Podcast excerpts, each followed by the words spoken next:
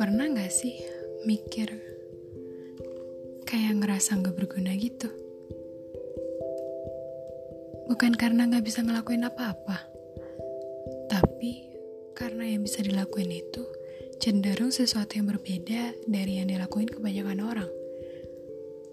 Misalnya, hari libur sering dihabiskan untuk menulis cerita baru, membuat karakter atau animasi baru, melakukan editing, mengcover lagu orang, atau bahkan mengaransemen lagu.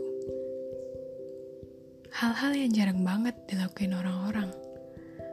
Merajut, membuat jurnal, atau bahkan menulis sajak yang bahkan sedikit manu populasi manusia paham apa yang kamu bicarakan. Kalau pernah, sini join kubunya.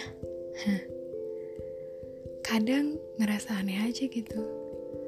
Ketika orang lain berlomba meraih nilai tertinggi, peringkat terbaik, yang di sini malah guling-guling sambil mikirin kunci apa yang cocok untuk lagu yang baru saja kamu tulis. Ketika orang lain berebut sertifikat dan medali, yang di sini malah duduk manis berteman tiupan angin malam hanya untuk menemukan larik-larik sajak yang merepresentasi perasaan saat itu.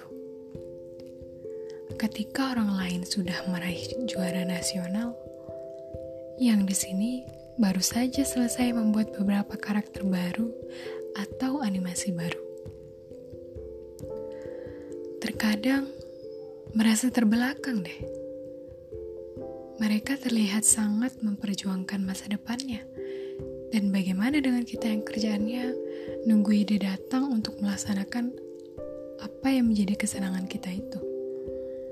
Alih-alih memperjuangkan posisi dulu juara, malah keliling kota demi menemukan suasana baru untuk ditulis, digambarkan, dinadakan, divisualisasikan.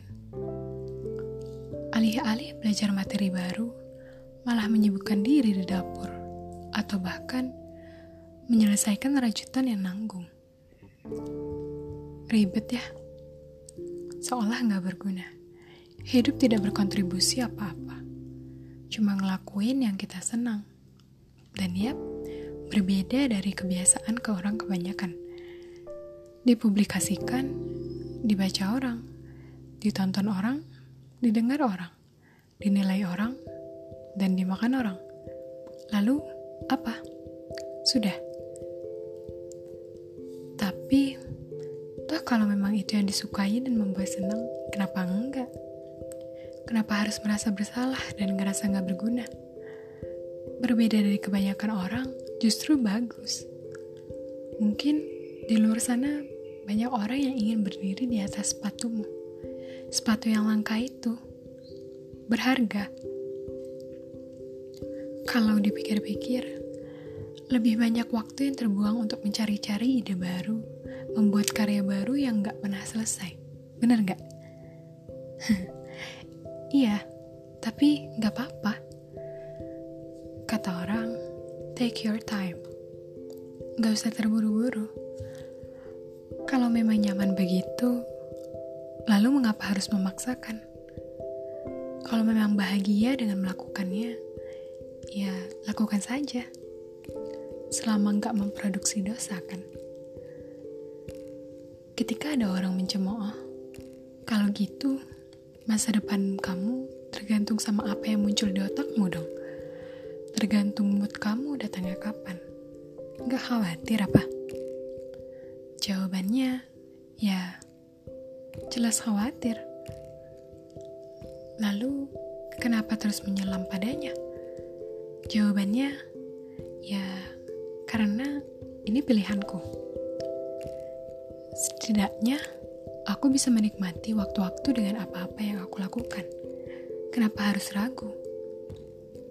Ketika aku tidak terbiasa melakukannya, justru malah merasa aneh.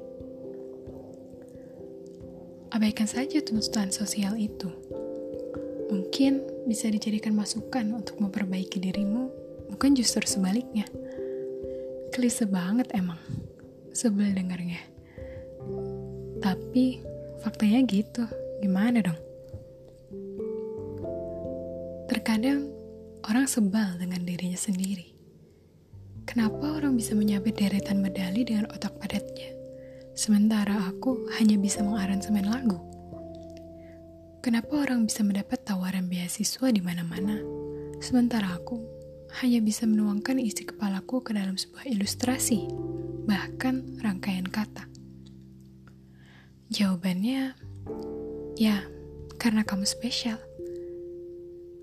Jangan karena kamu ingin terlihat seperti stigma kebanyakan masyarakat pada julukan keren, kamu jadi mengabaikan apa yang menjadi nilai plus darimu. Benar tidak? Kalau memang ingin fokus ke tempat lain, silahkan. Tidak ada yang melarang. Tapi jangan lakukan itu karena tuntutan sosial ya. Makan hati. Untuk orang-orang kreatif di luar sana, apa pun yang bisa kamu lakukan, lakukanlah.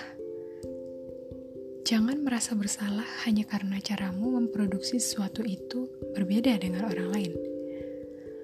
Boleh merasa bersalah itu jika kamu mengabaikan semua hal dan tidak melakukan apa-apa untuk jangka waktu yang lama.